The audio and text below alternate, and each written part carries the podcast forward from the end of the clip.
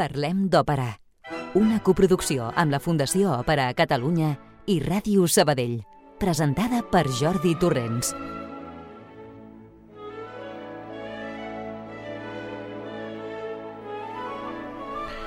Hola a tothom, us rebem una setmana més en aquest el nostre estudi d'enregistrament, tot convidant-vos a passar una bona estoneta, a escoltar-nos parlar d'òpera al mateix temps que sentint bona música i bon cant. No dubteu que aquesta és la nostra intenció programa rere programa, setmana rere setmana. Volem que estigueu satisfets amb la nostra feina perquè així ho estarem nosaltres també.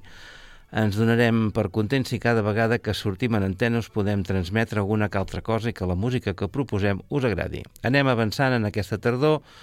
Comencem novembre i els panellets, castanyes i moniatos ja són història. Programa número 539, 2 de novembre, Dia dels Fidels Difunts. Rocío García, el control de so i qui us parla, Jordi Torrents, us donem una cordial benvinguda.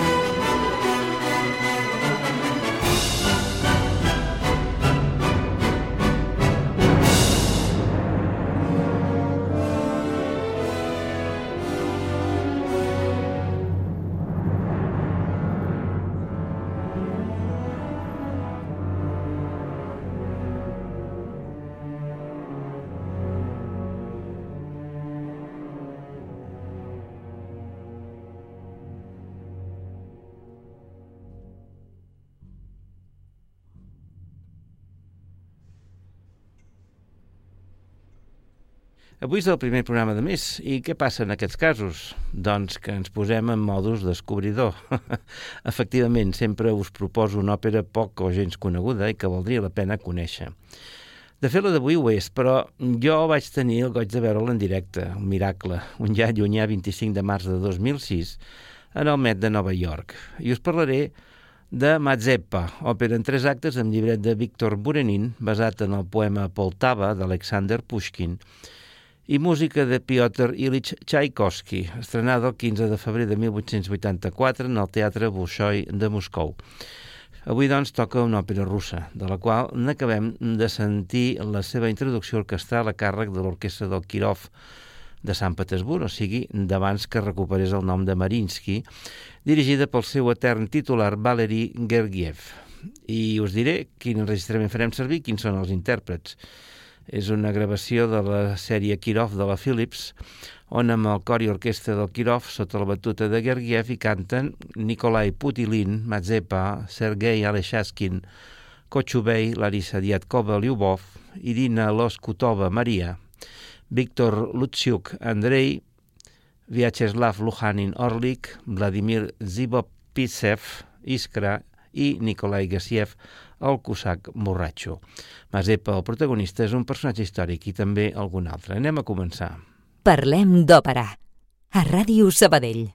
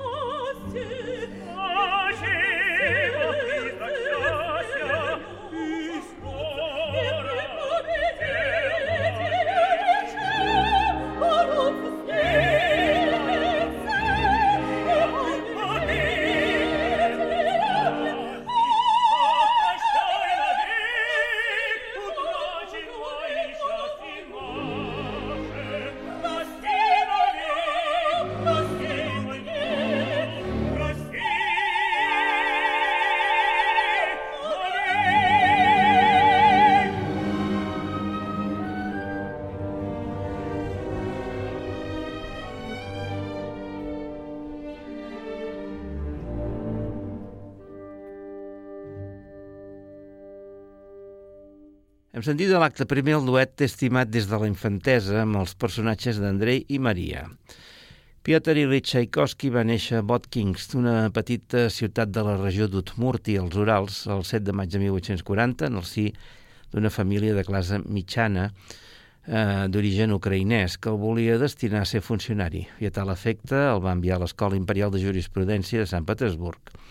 Sent estudiant, freqüentava l'òpera i es va afeccionar a les obres de Rossini, Bellini, Verdi i Mozart. El 1859 es va graduar i fou admès com a funcionari en el Ministeri de Justícia, però la seva carrera com a tal només va durar 3 anys, perquè, contra els desitjos familiars, va triar el camí de la música i el 1862 es va matricular en el Conservatori de la capital on es graduaria 3 anys més tard. Fou alumne d'Anton Rubinstein, que el va orientar més aviat cap a l'estil musical occidental, fet que el va apartar del nacionalisme del grup dels cinc, amb els membres del qual, no obstant, sempre va mantenir una relació professional i d'amistat.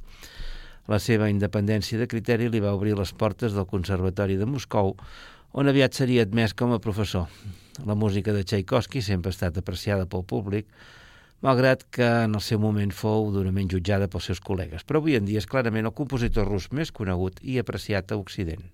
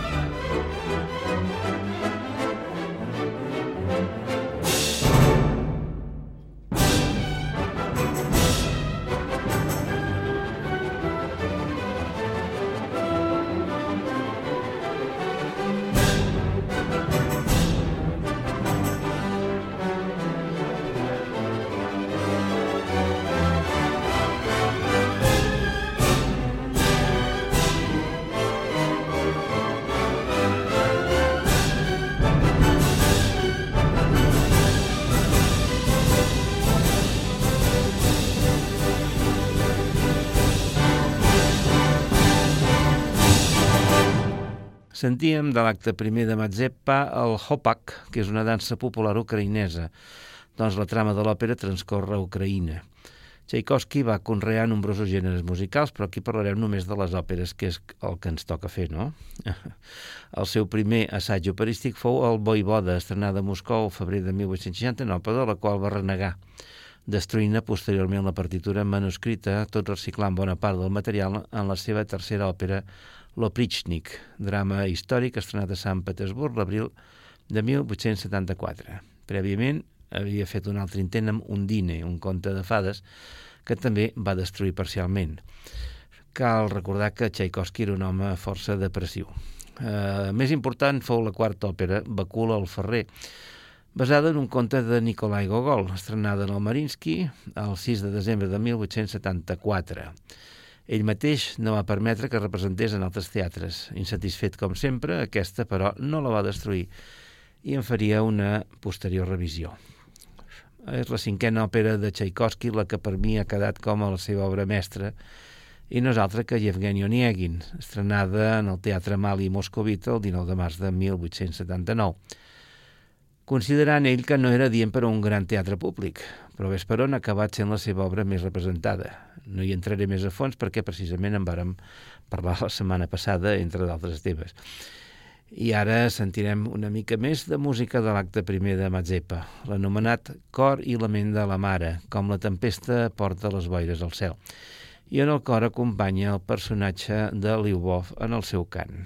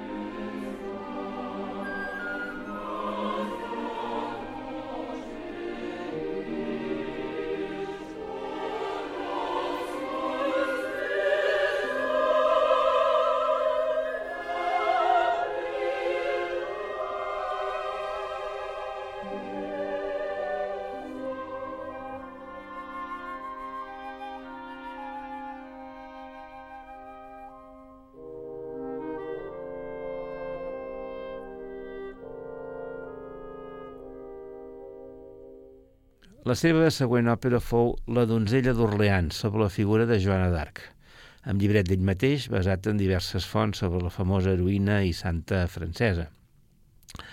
Es tracta de lo més semblant a la gran òpera francesa que va compondre Tchaikovsky, amb ballet inclòs. Es va estrenar en el Marinsky de Sant Petersburg el 13 de febrer de 1881. I després ja va compondre Mazeppa, l'òpera que avui ens ocupa. Donaré més detalls al voltant de la seva composició més endavant, un cop haguem acabat de repassar la biografia del compositor.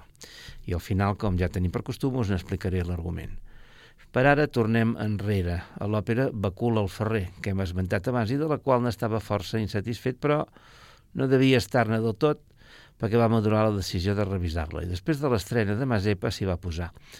Començant eh, per eh, revisar personalment el llibret, i la primavera de 1885 va compondre la música, però per diverses circumstàncies l'òpera no es va poder estrenar fins al 31 de gener de 1887.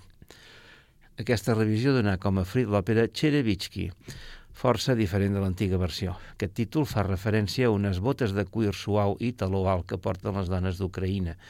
I en aquesta òpera, més concretament, són les botes de la serina, de manera que de vegades se l'anomena les botetes de la serina, però nosaltres ho deixarem en Cherevitsky. Sentim ara un altre fragment de Mazepa? Doncs vinga, de l'acte segon serà el monòleg de Cotxovei. Aquesta és la recompensa per la meva informació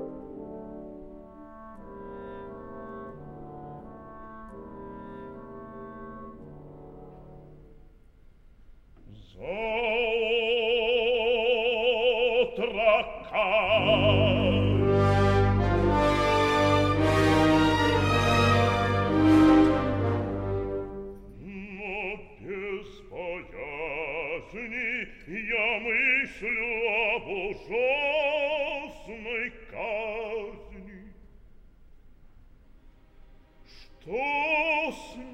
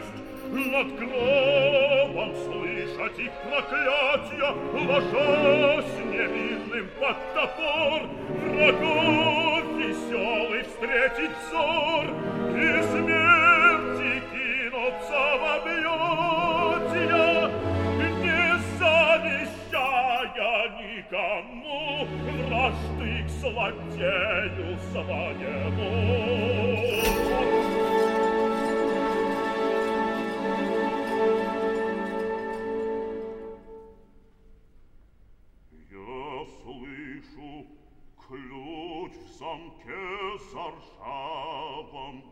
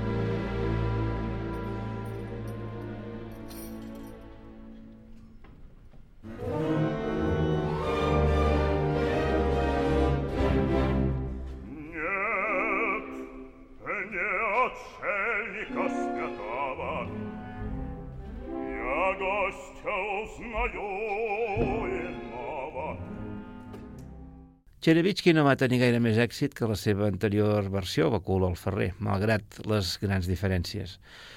No obstant, Tchaikovsky va deixar escrit que es tractava d'una de les seves millors òperes quant a la música. I, de fet, avui en dia es fa poquíssim. Eh? Durant el segle XX no va sortir de Rússia o de la Unió Soviètica. Avui en dia se n'ha fet alguna altra producció, sent la més important la que eh, es va donar a Covent Garden l'any 2009. Eh, la següent creació de Tchaikovsky per a l'escena fou l'òpera en quatre actes Charodeika, que podríem traduir com La fatillera o La bruixa, estrenada en el Marinsky el novembre de 1887, basada en una obra teatral estrenada el 1884 a Moscou amb gran èxit. Però a diferència de l'obra teatral, l'òpera no fou ben rebuda pel públic ni per la crítica. Es va fer notar que el llibret estava massa ple de detalls i que la música patia d'un excés de sinfonisme. Bé, entre el 1887 i el 1888, la gerència del Teatre Imperial va oferir al compositor l'oportunitat d'escriure una òpera basada un cop més en un text de Pushkin. Per bé que d'entrada ho va rebutjar, eh, més tard, el 1890, eh, va canviar d'idea. Mentre es trobava a Florència, a principis d'aquest any va esbossar l'òpera. El llibret seria del seu germà Modest, però ell mateix hi va intervenir de manera decisiva. Aquesta òpera en qüestió eh, acabaria sent La dama de piques, una de les seves creacions més afamades i una de les que més es representa. I ara sentirem un nou fragment de Mazepa, i és de l'acte segon, l'Arioso de Mazepa o Maria Maria. Som-hi!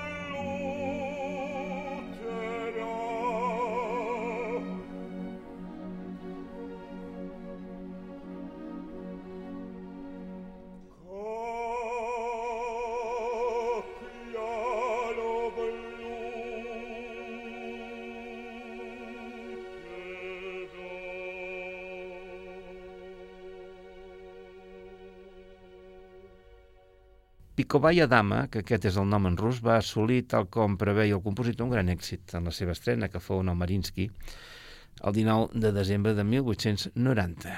Gran part de l'èxit va recaure sobre el tenor Nikolai Figner, que era molt bo i no és d'estranyar, doncs el de Herman, protagonista masculí, és un paper terriblement difícil i tot un tour de força esgotador, sobretot tenint en compte que canta pràcticament al llarg de tota l'òpera esposa del tenor, Medea May Figner, va interpretar Lisa, la protagonista femenina. La primera representació fora de Rússia fou a Praga el 1892. A l'Òpera de Viena hi arribaria el 1902 dirigida per Gustav Mahler, el qual també la dirigiria en la seva estrena a Nova York el 1910, cantada en alemany. L'última òpera de Tchaikovsky fou una de curta, en un sol acte, Iolanta, en llibret del seu germà Modes, basat en una obra teatral d'un autor danès.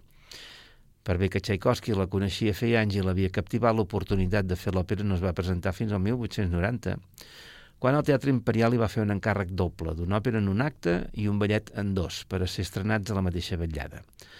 El ballet seria el tan famós Trencanous. L'estrena va tenir lloc en el Marinsky el 18 de desembre de 1892, amb divisió d'opinions, per bé que la del públic fou més aviat favorable. Tchaikovsky moriria menys d'un any després, el 6 de novembre de 1893, oficialment del còlera. I ara sentirem el potent final de l'acte segon de Mazeppa. Escolteu les seves pregàries de penediment.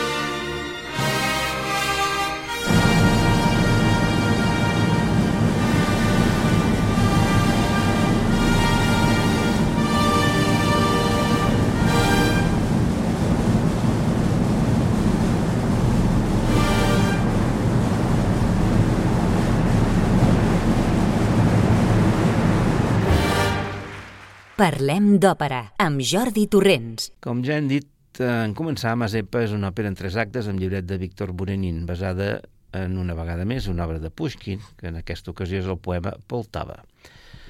L'estrena va tenir lloc en el Teatre Bolshoi de Moscou el 15 de febrer de 1884 i només quatre dies més tard es va presentar en el Mariski de Sant Petersburg, aleshores era la capital de Rússia. Segons sabem, amb dues representacions van ser brillants, amb l'excepció dels repartiments que foren més aviat justets. No obstant això, el públic va respondre bé i les crítiques moscovites mmm, van ser bones, però les de la capital van ser molt diferents. I Modest, el germà del compositor, les hi va amagar. Tchaikovsky es trobava a Moscou i no a Sant Petersburg. Quan posteriorment va conèixer aquestes crítiques, va agrair al seu germà que les hi hagués amagat. En una carta li va dir ben sincerament, obro cometes, vas fer bé, la veritat m'hauria pogut matar. Tanco cometes. Sempre hipersensible aquest Tchaikovsky, eh? Mazepa és una truculenta i sanguinària història en la que hi trobem amor desbocat, rapte, persecució política, guerra, execucions i assassinat per venjança. no està malament, oi? La trama és històrica, al voltant de la famosa batalla de Poltava, que va tenir lloc el 8 de juliol de 1709, en territori de l'actual Ucraïna, i el nom de l'òpera correspon al protagonista, un personatge històric, Ivan Stepanovich Mazepa, noble terratinent i capdill militar cosac, que va ser hetman, o sigui, cap suprem dels cosacs. Ara us n'explicaré l'argument, però abans sentirem un fragment instrumental que se situa entre el segon i el tercer acte i es diu precisament La batalla de Poltava. Música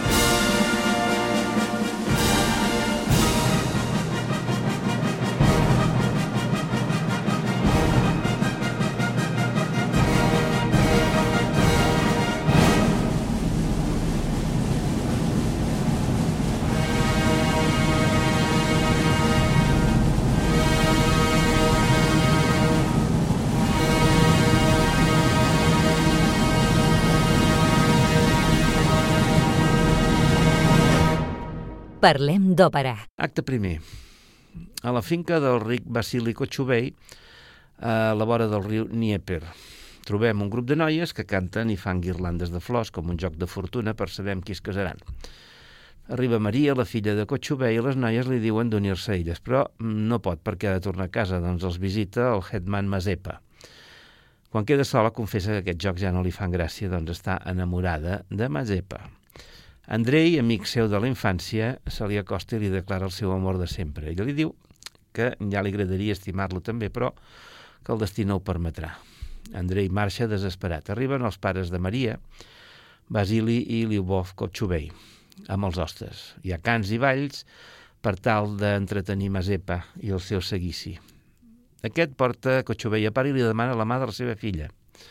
Kotxubei pensa que està de broma, doncs la diferència d'edats és molt gran. A més, Kotxubei li recorda que és el padrí de Maria i això és incestuós a ulls de l'Església Ortodoxa.